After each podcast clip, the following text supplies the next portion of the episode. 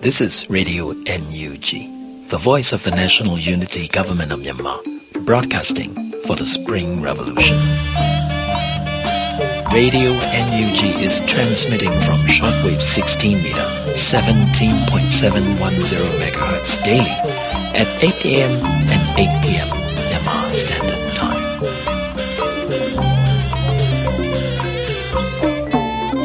မင်္ဂလာပါခင်ဗျာအမျိုးသားညီညွတ်ရေးအစိုးရရဲ့အသံလွှင့်ဌာနကမြန်မာစံတော်ချိန်မနေ့၈နာရီတစ်ချိန်ည၈နာရီတစ်ချိန်လိုင်းလိုမီတာ16 19.8 MHz မှာ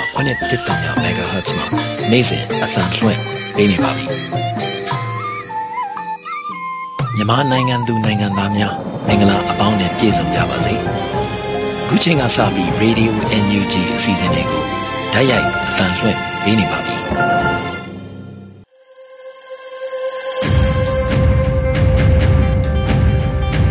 မြန်မာနိုင်ငံသူနိုင်ငံသားများတဘာဝပြီးဆရာနာရှင်ဘေးတို့ကနေကင်းဝေးပြီးကိုစိတ်နှပါကျမ်းမာလုံခြုံကြပါစေလို့ရေဒီယို NUG အဖွဲ့သားများကဆုတောင်းမေတ္တာပို့သလိုက်ရပါတယ်။အခုအချိန်ကစပြီးရေဒီယို NUG ရဲ့သတင်းများကို တင်ဆက်ပေးတော့မှာဖြစ်ပါတယ်။ကျမຫນွေဦးလင်းအိမ်ပါပထမဆုံးအနေနဲ့စစ်ကောင်စီလက်အောက်မှာတာဝန်ထမ်းဆောင်နေတဲ့နိုင်ငံသားရေးဝန်ကြီးဌာနက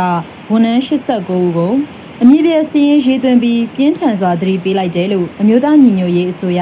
နိုင်ငံသားရေးဝန်ကြီးဌာနကအမိန့်ကြေညာစာထုတ်ပြန်လိုက်တဲ့သတင်းကိုတင်ဆက်ပေးပါမယ်။တန်အမတ်တွေတန်မှုတွေနဲ့ကောင်စစ်ဝင်ချုပ်တွေအပါအဝင်စစ်ကောင်စီလက်အောက်မှာတာဝန်ထမ်းဆောင်နေတဲ့နိုင်ငံသားရေးဝန်ကြီးဌာနကဝန်ထမ်း89ဦးကိုအမည်ပြစီရင်ရေးသွင်းပြီးပြင်းထန်စွာသတိပေးလိုက်တယ်လို့အမျိုးသားညီညွတ်ရေးအစိုးရနိုင်ငံသားရေးဝန်ကြီးဌာနကယနေ့အမိန့်ကြေညာစာထုတ်ပြန်လိုက်ပါတယ်။ အမည်ပြစင်းရေးသွင်းပြီးပြင်းထန်စွာသတိပေးလိုက်တဲ့ဝန်ထမ်းတွေနဲ့တန်အရာရှိတွေရဲ့အမည်စင်းတွေကိုလည်းပူးတွဲထုတ်ပြန်ခဲ့တာဖြစ်ပါတယ်။နိုင်ငံတော်ရဲ့အာဏာကိုအကြမ်းဖက်စစ်ကောင်စီကမတရားသိမ်းပိုက်ပြီးနောက်နိုင်ငံသားရေးဝန်ကြီးဌာနမှအကြမ်းဖက်စစ်ကောင်စီမှခန့်အပ်တဲ့ဥဝနာမောင်လွင်စိတ်တိုင်းကြဖွဲ့စည်းခဲ့တဲ့ဌာနတွင်းစောင့်ကြည့်ရေးအဖွဲ့ဝင်များနဲ့စစ်ကောင်စီအလို့ကြဌာနတွင်းအရာရှိတွေကြောင့် ပြည်သူနဲ့အတူရက်တည်ပြီးအာဏာဖီဆန်ခဲ့ကြတဲ့ CDM ပြည်သူဝန်ထမ်းတွေဖမ်းဆီးထောင်ချခံရတာရှိနေတယ်လို့ဖော်ပြထားပါတယ်။အယက်သားအစိုးရကိုထောက်ခံခဲ့သူတွေသူတို့စိတ်ချယုံကြည်ခြင်းမရှိတဲ့တက်ကြွလှုပ်ရှားသူဝန်ထမ်းတွေဌာနတွင်းနေရာပြောင်းရွှေ့ခံရတာ CDM လှုပ်ရှားမှုမပြုလုပ်ရန်ထောက်ခံခြင်းမပြုရန်သတိပေးချင်းချောက်ခံရတာ CDM ဝန်ထမ်းတွေကိုချင်းချောက်ပြီးရုံးပြန်တက်စေတာတွေလည်းရှိခဲ့တယ်လို့ဆိုပါတယ်။ ဒါအပြင်စစ်ကောင်စီကိုမထောက်ခံလို့အလုံးမနှုတ်ထွက်လိုတဲ့ဝန်ထမ်းတွေကိုနှုတ်ထွက်ခွင့်လုံသက်ခွင့်တင်တာတွေခွင့်မပြုတာစတဲ့ဝန်ထမ်းအခွင့်အရေးနိုင်ငံသားအခွင့်အရေးတွေချိုးဖောက်ခံနေရတာရှိတယ်လို့လည်းဖော်ပြထားပါတယ်။အယက်သားအစိုးရလက်ထက်မှာပြည်သူဝန်ထမ်းနဲ့မိသားစုများအတွင်း COVID-19 ကြောင့်ဖြစ်ပေါ်လာနိုင်တဲ့အကျိုးသက်ရောက်မှုတွေကုစားနိုင်မှုအတိုးမဲ့ချင်းငွေနှစ်လစာအားထုတ်ချေခဲ့ပြီးပြန်ဆက်ရန်မလိုအပ်တဲ့ချီးမြှင့်ငွေအဖြစ်သတ်မှတ်ပေးခဲ့တာကိုအကြံဖက်စစ်ကောင်စီရဲ့လက်ပါစီတွေက CDM ဝန်ထမ်းတွေကိုအဲ့ဒီချီးမြှင့်ငွေတွေ6လအတွင်းပြန်လည်ပေးဆက်ဖို့မပေးဆက်ရင်တရားစွဲဆိုဖို့ပြင်ဆင်နေတယ်လို့နိုင်ငံသားရေးဝန်ကြီးဌာနကထုတ်ပြန်တဲ့စာမှာပါရှိပါတယ်။အလားတူအယက်သားအစိုးရလက်ထက်မှာပြည်ပကိုပညာတော်သင်တွားရောက်ခဲ့ပြီးမိခင်ဝန်ကြီးဌာနမှာပြန်လည်တာဝန်ထမ်းဆောင်ရမယ်တတ်မှတ်ကာလမပြည့်မီစစ်ကောင်စီကိုဆန့်ကျင်လို့ ပြည်သူ့ဘက်ရက်တည်ခဲ့တဲ့ CDM ဝန်ထမ်းတွေကိုလည်းရော်ချင်းငွေပေးသွင်းဖို့နဲ့ရော်ချင်းငွေမပေးသွင်းရင်တရားစွဲဆိုမယ်လို့ချိန်ချောက်နေတာရှိရလို့ဆိုပါတယ်။အဲဒါကြောင့်အာဏာသိမ်းအကြမ်းဖက်စစ်ကောင်စီလက်ပါစီအဖွဲ့နဲ့တာဝန်ပေးစီခိုင်းတာထက်ကျော်လွန်ပြီးတော့ပြည်သူ့ဘက်တော်သား CDM ဝန်ထမ်းတွေကိုစောင့်ကြည့်ဖိအားပေးနှိပ်ကွပ်နေတဲ့ဝန်ထမ်းတွေကိုအမြင့်ပြည့်စည်ရင်ရေးသွင်းပြီးပြင်းထန်စွာသတိပေးခဲ့တာလို့ဖော်ပြထားပါတယ်။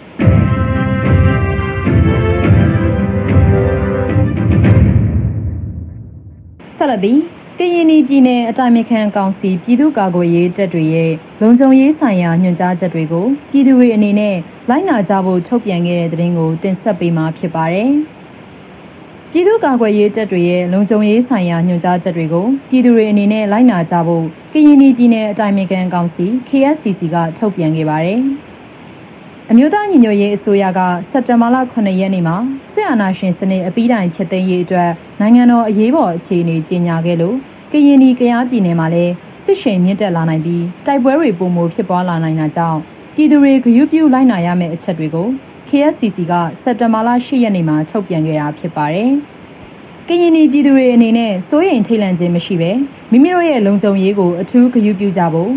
ပြည်သူ့ကာကွယ်ရေးတပ်တွေဖြစ်တဲ့ကရင်တပ်မတော် KA ကရင်အမျိုးသားကာကွယ်ရေးတပ်ဖွဲ့ KNDF နဲ့ပြည်သူ့ကာကွယ်ရေးတပ်ဖွဲ့ PDF တွေရဲ့လုံခြုံရေးဆိုင်ရာညွှန်ကြားချက်တွေကိုစနစ်တကျလိုက်နာကြဖို့ KSCC ကဆိုပါတယ်။မလိုအပ်ဘဲအပြင်ထွက်ခြင်းနဲ့အသွာအလာတွေသတိပြုကြဖို့မှန်ကန်တဲ့သတင်းစီစဉ်မှုတွေကိုသာအတည်ပြုရယူပြီးတော့မြေပြင်မှာပြည်သူအချင်းချင်းကြားမှန်ကန်တဲ့သတင်းပေးမှုများနဲ့မိမိတို့ရဲ့လုံခြုံရေးအတွက်ပြင်ဆင်ထားကြဖို့တိုက်တွန်းထားပါတယ်။ စစ်ဆောင်ပြည်သူတွေအနေနဲ့ရောက်ရှိရာနေရာဒေသတွေမှာ COVID-19 ကပ်ရောဂါကာကွယ်ရေးဆိုင်ရာစည်းကမ်းသတ်မှတ်ချက်တွေကိုလိုက်နာကြဖို့လည်းအသိပေးထားပါတယ်။ဒါအပြင်စစ်ဆောင်ပြည်သူများအနေနဲ့မိမိတို့ရဲ့ပတ်ဝန်းကျင်မှာအကြမ်းဖက်စစ်ကောင်စီသတင်းပေးဒလန်တွေရှိရင်နီးစပ်ရာပြည်သူ့ကာကွယ်ရေးတပ်ဖွဲ့တွေစီကိုအမြန်အတိပေးဖို့ထုတ်ပြန်ခဲ့ပြီးစစ်ဆောင်စခန်းတွေရှိရာကိုခေါ်ဆောင်သွားလာတာမပြုဖို့တတိပေးထားပါတယ်။ အကြမ်းဖက်စစ်ကောင်စီကိုအပိတိုင်ချေမုန်းနိုင်ရေးအတွက်ပြည်သူ့ကာကွယ်ရေးတပ်ဖွဲ့ရဲ့လုံခြုံရေးနဲ့မိမိတို့ရဲ့လုံခြုံရေးအတွက်အတူတူပူးပေါင်းပါဝင်ပေးဖို့လည်း KSCC ကတိုက်တွန်းထားပါတယ်။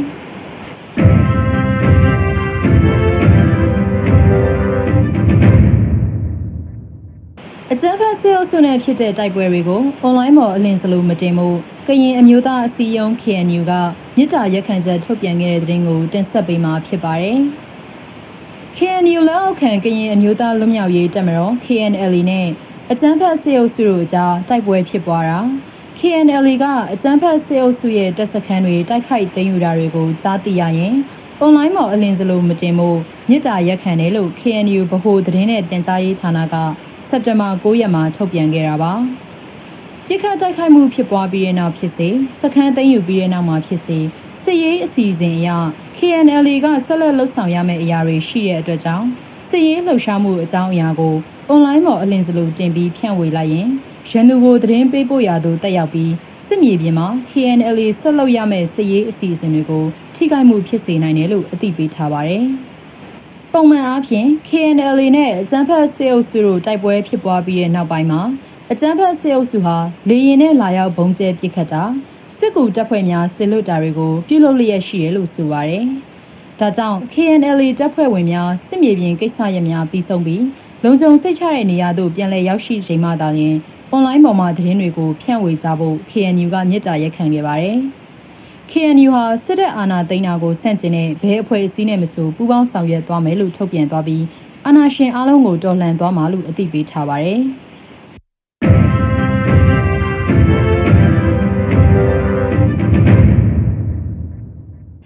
အခုနောက်ဆုံးအနေနဲ့အမျိုးသားညီညွတ်ရေးအစိုးရကာကွယ်ရေးဝန်ကြီးဌာနက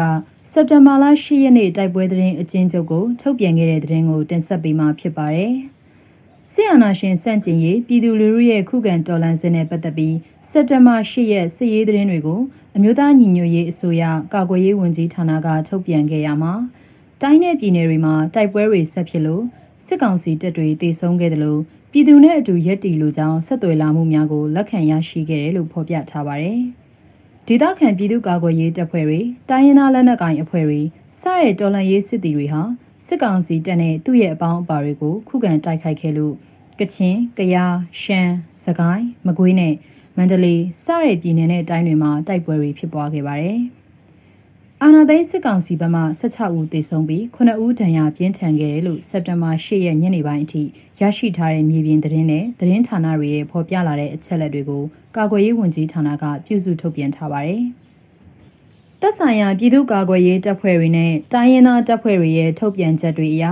စက်တင်ဘာ၈ရက်မှာစစ်ကောင်စီတပ်ကတေဆုံးထိခိုက်သူအရှိအတွက်ပုံမများပြားတယ်လို့သိရပါဗျ။ စကိုင်းတိုင်းမြောင်မြို့နယ်မြစ်ဆုံရွာအနီးနဲ့ကြောက်ရရွာရဲစခန်းမှာစက်တင်ဘာ၈ရက်ကတိုက်ပွဲ၃ကြိမ်ဖြစ်ပွားခဲ့လို့စစ်ကောင်စီတပ်ဖွဲ့ဝင်အ ਨੇ ဆုံး12ဦးသေဆုံးခဲ့တယ်လို့မြောင်မြို့နယ်ပြည်သူ့ကာကွယ်ရေးနဲ့လုံခြုံရေးအဖွဲ့ကထုတ်ပြန်ထားပါတယ်။ဒါ့အပြင်နဘတ်စံပြကျေးရွာရဲစခန်းကိုလည်းမိရှို့ဖျက်ဆီးခဲ့တယ်လို့ဆိုပါတယ်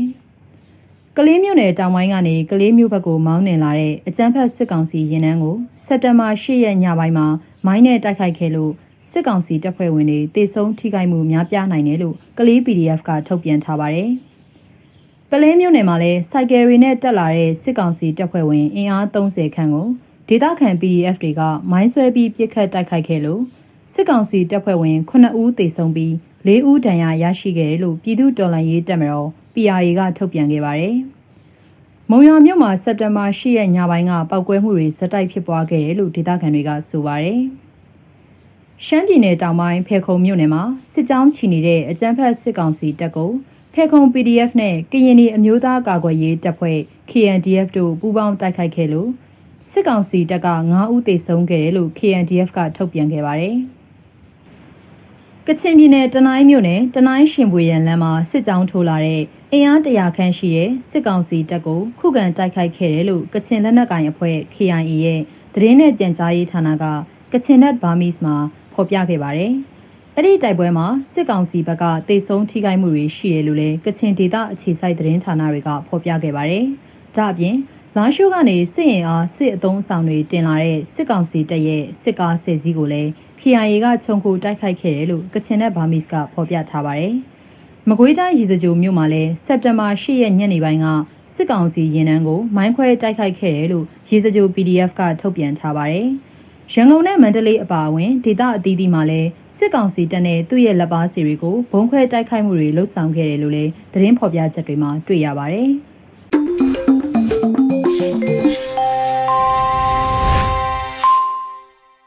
အခုအချိန်ကစပြီးတိုင်းရင်းသားညီနောင်အင်အားစုတွေပြည်သူ့ကာကွယ်ရေးတပ်မတော် PDF တပ်သားတွေနဲ့ပြည်သူလူထုတို့ရဲ့အရှိန်အဟုန်မြင့်လာတဲ့တိုက်ပွဲသတင်းတွေကိုစူးစီးတင်ဆက်ပေးသွားမှာဖြစ်ပါတယ်ကျွန်တော်ကျော်နေဦးပါ အခုပထမဆုံးတင်ဆက်ပေးချင်တာကတော့မြောင်မြို့နယ်အတွင်းတိုက်ပွဲ၃ကြိမ်ဖြစ်ပွားပြီးအကြမ်းဖက်စစ်သားအနည်းဆုံး12ဦးသေဆုံးခဲ့တဲ့တဲ့တင်ဖြစ်ပါတယ်စက်တင်ဘာလ10ရက်ကသခိုင်းတိုင်းမြောင်မြို့နယ်မှာပြည်သူ့ကာကွယ်ရေးတပ်ဖွဲ့တွေနဲ့အကြမ်းဖက်စစ်တပ်အကြားတိုက်ပွဲ၃ကြိမ်ဖြစ်ပွားခဲ့ရာပြည်သူဗတ်တော်သားတွေအကြအဆုံးမရှိခဲ့ပဲစစ်တပ်ကြေးကြုံအ ਨੇ ဆုံး12ယောက်သေဆုံးခဲ့ပါတယ်။ မြောင်မြို့နယ်မြစ်ဆုံကြေးရွာအနီးမှာပထမအကြိမ်ထိတွေ့တိုက်ပွဲဖြစ်ပွားခဲ့ပြီးအကြမ်းဖက်စစ်တပ်ကလက်နက်ကြီးတွေနဲ့အချက်40ကျော်ပစ်ခတ်ခဲ့ပေမဲ့စစ်တပ်ဘက်က3ယောက်သေဆုံးခဲ့တယ်လို့မြောင်မြို့နယ်ပြည်သူ့ကာကွယ်ရေးနဲ့လုံခြုံရေးအဖွဲ့ CDSOM ကသတင်းထုတ်ပြန်ပါတယ်။အဲ့ဒီတိုက်ပွဲမှာ CDSOM နဲ့မဟာမိတ်အဖွဲ့ဝင်များ27 Revolution Forces မြင်းကြံ PDF နှလုံးလှလူမိုက်ကြီးများအဖွဲ့နဲ့ PDF တလုတ်အဖွဲ့တွေကပူးပေါင်းတိုက်စစ်ဆင်ခဲ့ကြပါတယ်။ ပြည်သူ့ဗတ်တော်သားပူးပေါင်းတပ်ဖွဲ့ကရွာထဲမှာကြေးရွာသူကြေးရွာသားတွေရှိနေတာကြောင့်စုပ်ပစ်နဲ့နောက်ဆုတ်ခဲ့ပြီးအကြမ်းဖက်စစ်တပ်ဘက်ကတော့ရွာထဲကိုတက်ဆွဲလိုက်တယ်လို့ဆိုပါတယ်။ညနေပိုင်းမှာတိုက်ပွဲထပ်မံဖြစ်ပွားခဲ့ပြီးစစ်တပ်ကြေးကျွန်6ယောက်ကြာဆုံးခဲ့တယ်လို့ CDSOM ကသတင်းထုတ်ပြန်ပါတယ်။ကြောက်ရစ်ကြေးရွာဘက်မှာလည်းစခန်းမှုနဲ့ဆက်ဆက်သူတွေကိုအညံ့ခံစေပြီးစခန်းကိုတိမ့်ပိုက်ဖို့လှုံ့ဆော်နေစဉ်မှာအကြမ်းဖက်စစ်တပ်ဘက်ကကား၃စီးရောက်လာတာကြောင့်တိုက်ပွဲထပ်ဖြစ်ခဲ့တယ်လို့ဆိုပါတယ်။ အဲ့ဒီတိုက်ပွဲမှာစစ်တပ်ကြေးကျွန်၃ဦးထပ်မံကြာဆုံးခဲ့ပြန်ပါတယ်။ဒါ့အပြင်နဘတ်စံပြကြေးရွာဘက်မှာရဲစခန်းကိုပြာကျတဲ့အထိမိရှို့ဖျက်ဆီးနိုင်ခဲ့တယ်လို့ CDSOM ကထုတ်ပြန်ပါတယ်။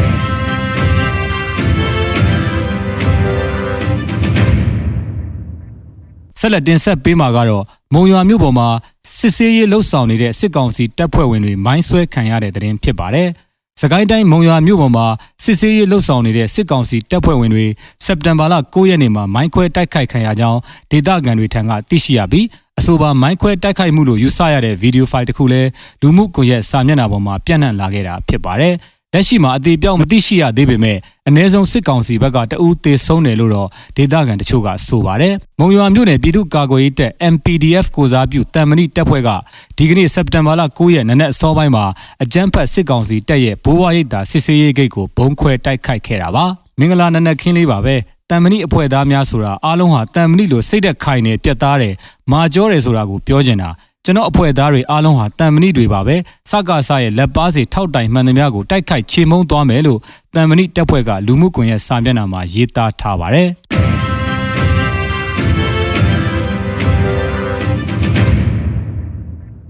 ဆက်လက်ပြီး Wellef PDF ၏ပထမဦးဆုံးအဖွင့်တိုက်ပွဲမှာအကြမ်းဖက်စစ်ကောင်စီရဲနှအူးတေဆုံးပြီးတချို့ထိခိုက်ဒဏ်ရာရခဲ့တယ်ဆိုတဲ့သတင်းကိုတင်ဆက်ပေးကြပါမယ်။ဒီနေ့စက်တင်ဘာလ9ရက်နနက်9နာရီအချိန်ခန့်စကိုင်းတိုင်းဒေသကြီးဝက်လက်မြို့နယ်ရွှေပန်းကုန်းကြီးရွာမှာရှိတဲ့အကြမ်းဖက်စစ်ကောင်စီရဲကင်းစခန်းကို Wellef PDF ကဝင်ရောက်တိုက်ခိုက်ခဲ့တယ်လို့ဒေသခံတွေကဆိုပါတယ်။ရွှေပန်းကုန်းရွာသား2ဦးကိုအကြမ်းဖက်ဖမ်းဆီးခဲ့တာကိုတုံ့ပြန်တဲ့အနေနဲ့ဝင်တိုက်ခဲ့တာဖြစ်ပြီးတိုက်ပွဲမှာအကြမ်းဖက်စစ်ကောင်စီလက်အောက်ခံရဲ2ဦးတေဆုံးပြီးထိခိုက်ဒဏ်ရာရသူများလည်းရှိခဲ့တာပါ။နိုင်ဝက်ကျော်ဖြစ်ပွားခဲ့တဲ့အဲ့ဒီတိုက်ပွဲမှာ Wildlife PDF ကအထိကိမရှိအောင်မြင်စွာတက်ဆုတ်ခွာနိုင်ခဲ့ကြောင်းသိရှိရပါတယ်ခင်ဗျာရေတော်ဘုံအောင်ရမည်ရေတော်ဘုံအောင်ရမည်ရေဒီယို NUG ကဆက်လက်အသံလွှင့်နေပါတယ်ယခုဆက်လက်ပြီးကိုဗစ်နဲ့သွေးခဲခြင်းပြဿနာအကြောင်းဒေါက်တာတင့်ထွန်းလိုက်ရဲ့ဆွေးနွေးတင်ပြချက်ကိုနားဆင်ရမှာဖြစ်ပါတယ်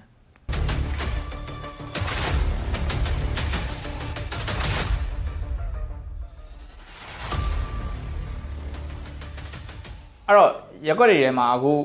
နည်းနည်းလေးနာမည်ကြီးနေတာကိုဗစ်ကနေတက်တာသွားတယ်တက်တာသွားပြီးတော့14ရက်15ရက်လောက်နေတော့မှကိုဗစ်စဖြစ်တဲ့နေ့ကစပြီးတော့ဗောနော်တက်တာသွားပြီ5 6ရက်နော်စဖြစ်တဲ့နေ့ကနေ14 15 16အဲ့ဒီရက်တွေလောက်မှာရုတ်တရက်သေသွားတယ်ရေထချိုးလိုက်တာသေသွားတယ်ရေချိုးလိုက်တာသေသွားတယ်ကိုဗစ်ကရေမချိုးရဘူးအဲ့ user တွေကမှားပါတယ်ဘာဖြစ်လို့သေတာလဲသေတာအန်ဒီဟုတ်တယ်သေနိုင်ပါတယ်ဘာဖြစ်လို့သေနိုင်တာလဲဆိုတော့ယောဂကြောင့်ပါ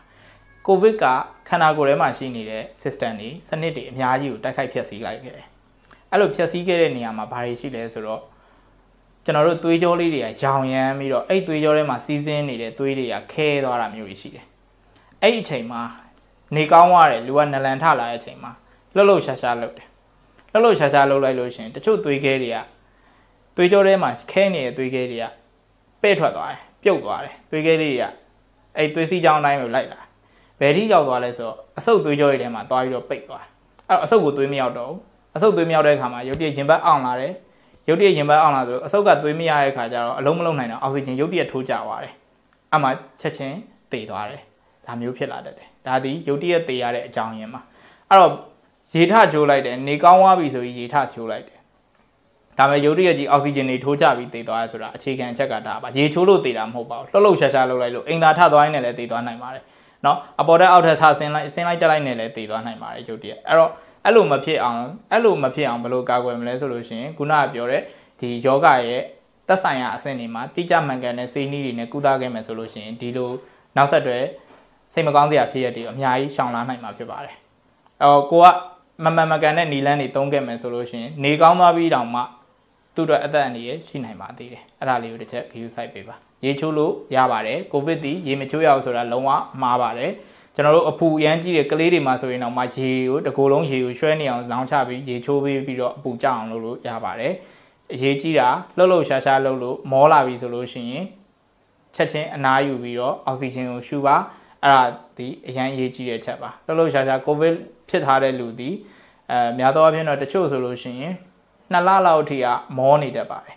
ဟောအရင်လှုပ်လှုပ်ရှားရှားပြင်းပြင်းထန်ထန်လှုပ်ရှားလို့မရပါဘူးအားလေးကိုတစ်ချက် view site ဖို့လိုပါတယ်အဲ့တော့အပြင်မှာပြောသလိုရေချိုးလို့တည်တာတော့လုံးဝမဟုတ်ပါဘူး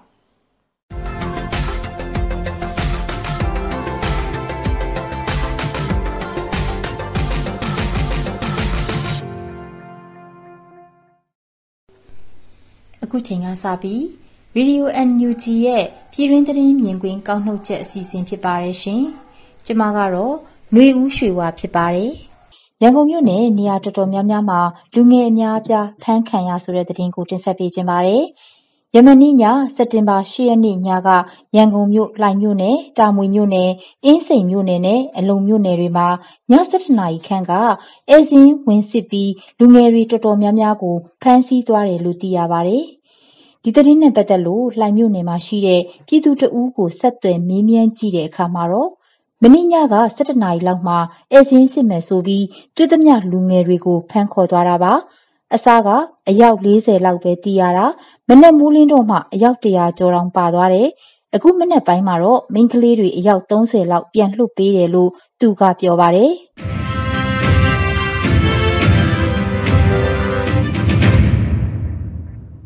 နောက်ထပ်တင်ဆက်ပေးမယ့်သတင်းကတော့ အေယာရီထက်ပိုင်းမှာရှိတဲ့မြို့အချို့မှာမြို့တစ်မြို့ကို အမျိုးသားအယောက်30စီစစ်ကောင်စီကတောင်းထားဆိုတဲ့သတင်းကိုတင်ဆက်ပေးကြပါမယ်။စက်တင်ဘာလ10ရက်နေ့ကအေယာရီထက်ပိုင်းမှာရှိတဲ့ကြံကင်းမြန်အောင်မြို့တွေမှာအာနာသိန်းစစ်ကောင်စီကမြို့တစ်မြို့စီကိုတန်တန်မာမာအရွယ်ကောင်းမျိုးသားအယောက်30စီပေးရမယ်လို့တက်ဆိုင်ရာအုပ်ချုပ်ရေးမှုကိုတောင်းထားတယ်လို့သိရပါတယ်။ကြံကင်းမြို့နယ်မှာရှိတဲ့ဒေသခံအမျိုးသမီးတဦးက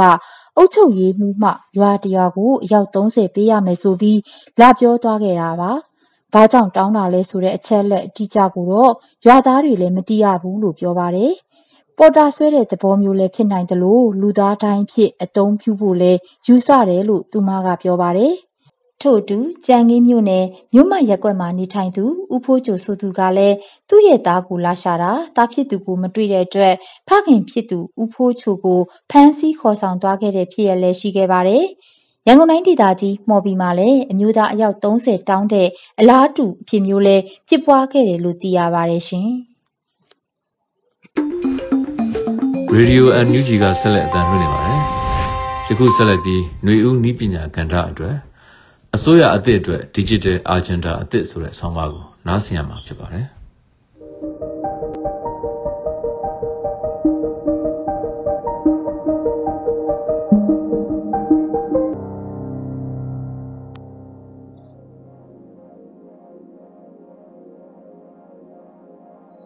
ဒေါ်လာရင်းနှီးပြည်တော်စီစဉ်ကနေပြန်လည်ကြိုဆိုလိုက်ပါတယ်။မြန်မာနိုင်ငံသူနိုင်ငံသားအပေါင်းမင်္ဂလာအပေါင်းနဲ့ပြည့်စုံတဲ့နေ့ရက်တွေကိုအမြန်ဆုံးပြန်လည်ပိုင်ဆိုင်နိုင်ကြပါစေကြောင်း ဒေါ်လာရင်းနှီးပြည်တော်စီစဉ်ဝိုင်းတော်သားများမှဆုတောင်းမေတ္တာပို့သလိုက်ပါတယ်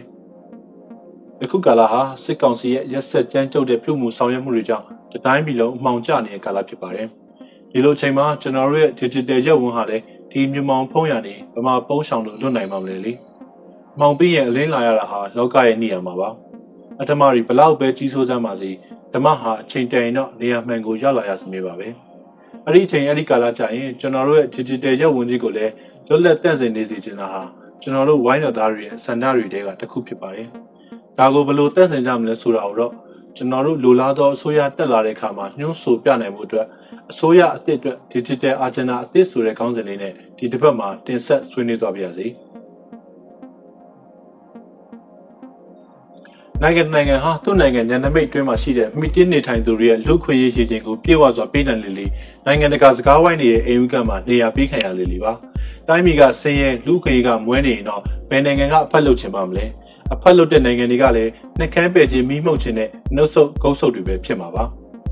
ယနေ့နိုင်ငံတကာရပ်ဝန်မှာလူခွင့်ရေးစံနှုန်းတွေကနိုင်ငံတစ်ခုရဲ့နိုင်ငံရေးရေချိန်နဲ့ဂုဏ်သိက္ခာကိုဟတ်ထင်ပြနေတယ်လို့ပြင်ပရပ်ဝန်မှာရရှိရမယ့်အခြေခံလူခွင့်ရေးရေချိန်တွေလူခွင့်ရေးစံနှုန်းတွေကို အွန်လိုင်းမှာပါရရှိဖို့လိုအပ်တယ်ဆိုတဲ့ဆုံးဖြတ်ချက်များစွာဟာလည်းကုလသမဂ္ဂရဲ့ဆွေးနွေးပွဲဆုံးဖြတ်ချက်တွေထဲမှာထင်ရှားတွေ့မြင်နေရပါတယ်။ဒီတော့နိုင်ငံသားတွေရဲ့လွတ်လပ်ခွင့်ကိုပြေဝဖော်ဆောင်ပေးနိုင်မယ့် Digital Agenda ဟာနောက်လာမယ့်ဆိုရအတွက်မဖြစ်မနေဖော်ဆောင်ပေးရမယ့် Agenda ဖြစ်လာမှာသိကြပါတယ်။ဒီ Agenda တွေအောက်မှာဘာတွေပါပါသလဲ။ online ပေါ်ကလွတ်လပ်စွာထုတ်ဖော်ပြောဆိုခွင့်ကိုအပြည့်အဝဖန်တီးပေးနိုင်ရေးဟာဆိုရအသင့်အနေနဲ့လှုပ်ဆောင်ရမယ့် Digital Agenda တွေအောက်ကခေါင်းစဉ်ကြီးတစ်ခုဖြစ်ပါတယ်။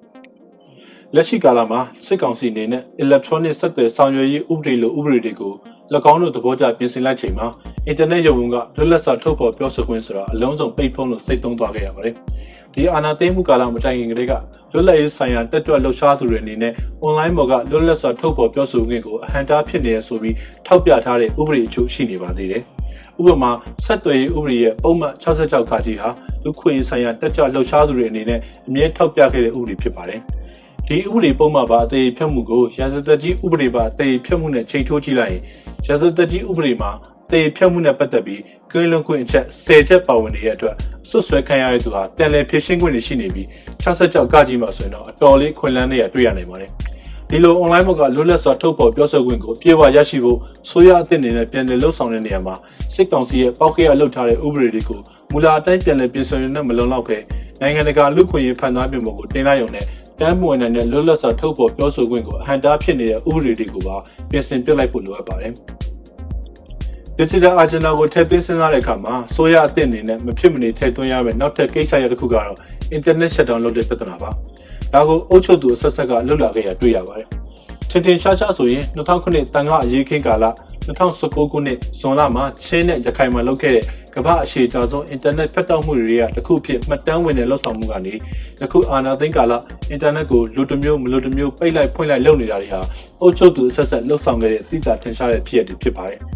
21ရာစုရဲ့စီးပွားရေးလူမှုရေးပညာရေးဆိုင်ရာကိစ္စရပ်တွေဟာအင်တာနက်ရဲ့လှုပ်ဆောင်နိုင်စမ်းပုံမှာအများစွာတည်မီနေတဲ့အတွက်ဒီလိုလှုပ်ဆောင်မှုတွေဟာ တိုင်းပြည်နဲ့ပိတ်ပင်ခံရတဲ့ဒေသတစ်ခုချင်းစီရဲ့ဖွံ့ဖြိုးတိုးတက်ရေးကိုနောက်ပြန်ဆွဲချနိုင်တဲ့ကိစ္စရဲလို့ခိုင်မာဆိုနိုင်ပါတယ်။ ဒါမျိုးကိုအလွယ်တကူလှုပ်ဆောင်နိုင်မှုအတွက်ဆက်သွယ်ရေးဥပဒေရဲ့ပုံမှန်89မှာဆိုရရဲ့ခွင့်ပြုချက်နဲ့ဝန်ကြီးဌာနကိုလုပ်ပိုင်ခွင့်ပေးထားတဲ့ဥပဒေတွေလိုပုံမှန်တွေကိုဖယ်ထုတ်ပြရေးဟာလည်းဆိုရအသည့်ရဲ့ digital agenda တွေအသစ်တွေအောက်ကရေးကြီးတဲ့ကောင်းစဉ်တစ်ခုဖြစ်ပါတယ်။ဒီပြင်ဆိုရတဲ့အနေနဲ့နိုင်ငံသားတွေရဲ့ပုဂ္ဂလိကဆိုင်ရာအချက်လက်တွေကိုအင်တာနက်ရုံဝန်မှာဥပဒေအရအကာအကွယ်ရယူနိုင်ရေးဆိုင်ရာအခြေအနေများကိုဖန်တီးပေးရမယ့်ကိစ္စရပ်တစ်ခုရှိနေပါသေးတယ်။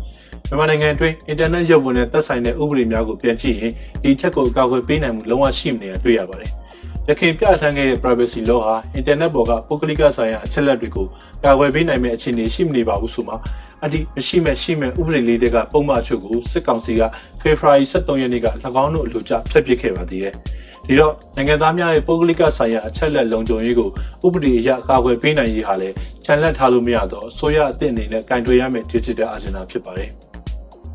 ဒီလိုချက်လက်တွေသာမကနိုင်ငံသားအလုံးနှီးပညာကိုတန်းတူလက်လန်းပြီးသုံးဆက်နိုင်ခွင့်ကိုဖန်တီးပေးရေးဟာလည်းစိုးရအသစ်ရင်ဆိုင်ရမယ့် digital agenda တစ်ခုဖြစ်ပါတယ်။ဤပညာတန်းတို့လက်လန်းမီ30နိုင်ခွင့်ကောင်းစဉ်အောက်မှာအင်တာနက်လွှမ်းခြုံနိုင်မှုနဲ့ဈေးနှုန်းဆိုင်ရာလက်လန်းမိမှုတို့ကိုသာစဉ်းစားကြပါတယ်။အတန်ဆန်းသူများအတွက်သတင်းအချက်အလက်ရရှိနိုင်မှုကိုအဟန့်တားဖြစ်မဲ့အခြေအနေများကိုဖယ်ရှားပြရတဲ့ဒီကောင်းစဉ်အောက်မှာထည့်သွင်းစဉ်းစားရမယ့်ကိစ္စရပ်တစ်ခုဖြစ်ပါတယ်။ ဥပမာအမြင်အာရုံချွတ်တဲ့သူများအတွက်အတန်ဖြင့်သတင်းအချက်အလက်ရရှိအောင်ဖန်တီးပေးခြင်းစသည်ဖြစ်မော်လေ။ဒီအပြင်အင်တာနက်ပေါ်မှာလွတ်လပ်စွာအသင်းဖွဲ့ဖွင့်နိုင်ခွင့်လွတ်လပ်စွာစုစည်းနိုင်ခွင့်လွတ်လပ်စွာထုတ်ဖော်ပြောဆိုခွင့်ပုဂ္ဂလိကဆိုင်ရာအချက်လက်များကိုကာကွယ်နိုင်ခွင့်နဲ့ရန်သူညီမျှမှုတို့ဟာလည်းဆိုရတဲ့အနေနဲ့မဖြစ်မနေထည့်သွင်းစဉ်းစားရမယ့် digital agenda များဖြစ်ပါတယ်။ digital ရုပ်ဝန်ဆိုင်ရာကိစ္စရပ်များကိုပြောဆိုကြမယ်ဆိုရင်တော့တထောင်တညပုံမြင်များလိုပဲရှေလျားထွေပြတဲ့အကြောင်းအရာပေါင်းများစွာကိုဆွေးနွေးရမှာဖြစ်ပါတယ်။ ဒီထက်ကမှယခုပတ်မှာတော့ဆိုရတဲ့အနေနဲ့ digital agenda တစ်ခုကောင်တယ်ပေါ်တဲ့နေရာမှာဦးစားပေးလှုပ်ဆောင်ရမယ့်အကြောင်းအရာအချို့ကိုပိတ်သက်ကြီးအတွက်ကျွန်တော်တို့တော်လိုင်းနည်းပညာအစီအစဉ်ကနေဆွေးနွေးခဲ့တာဖြစ်ပါတယ်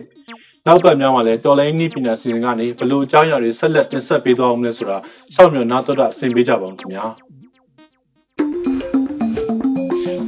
အခုနောက်ဆုံးຫນွေဦးတေးဂီတာကဏ္ဍအတွက် PDF စစ်ချီတန်ဆိုတဲ့တေးသချင်းကိုနားဆင်ရမှာဖြစ်ပါတယ်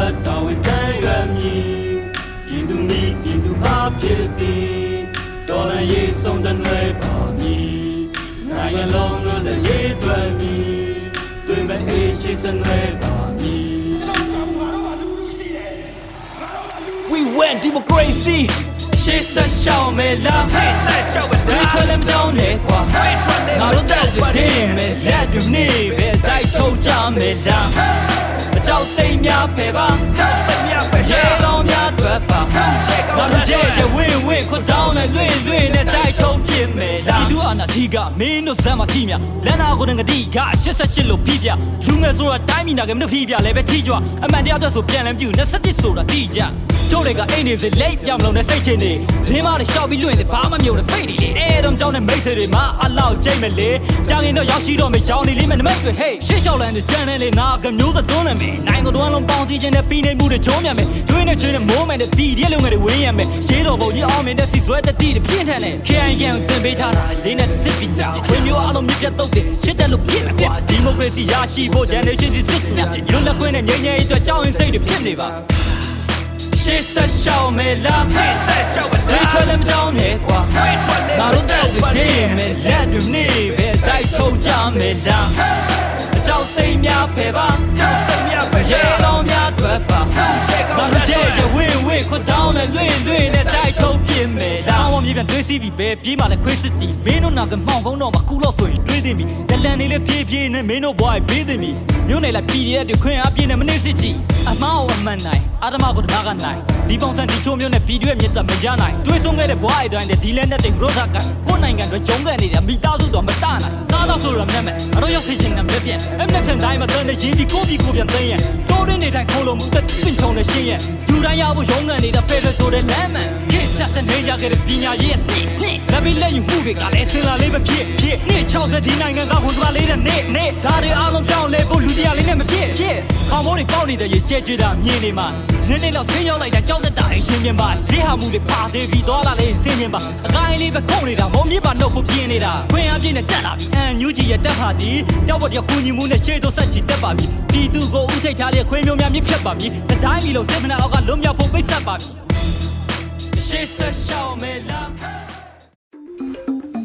ဒီကနေ့တော့ဒီညနဲ့ပဲ Radio NUG အစီအစဉ်လေးကိုကိတ္တရန်နာလိုက်ပါမယ်မြန်မာစံတော်ချိန်မနေ့၈နာရီညနေ၈နာရီတို့မှာပြန်လည်တွေ့ဆုံကြပါစို့လိုင်းဒိုမီတာ16 19တက်သမ9တက်ဆုံည MHz မှာဖမ်းယူနားဆင်နိုင်ပါတယ်မြန်မာနိုင်ငံသူနိုင်ငံသားများ ကိုယ်စိတ်နှပြချမ်းမာချမ်းသာလို့ဘေးကင်းလုံခြုံကြပါစေလို့ Radio NUG အဖွဲ့သူအဖွဲ့သားများဆုတောင်းပေးလိုက်ပါတယ်အမျိုးသားညီညွတ်ရေးအစိုးရရဲ့ဆက်သွယ်ရေးသတင်းအချက်အလက်နဲ့ဤပညာဝန်ကြီးဌာနကထုတ်လွှင့်နေတဲ့ Radio NUG ဖြစ်ပါတယ်။ San Francisco Bay Area ခြေဆိုင်မြန်မာမိသားစုများနဲ့နိုင်ငံတကာကစေတနာရှင်များလုံအားပေးများရဲ့ Radio NUG ဖြစ်ပါတယ်။အရေးတော်ပုံအောင်ရမည်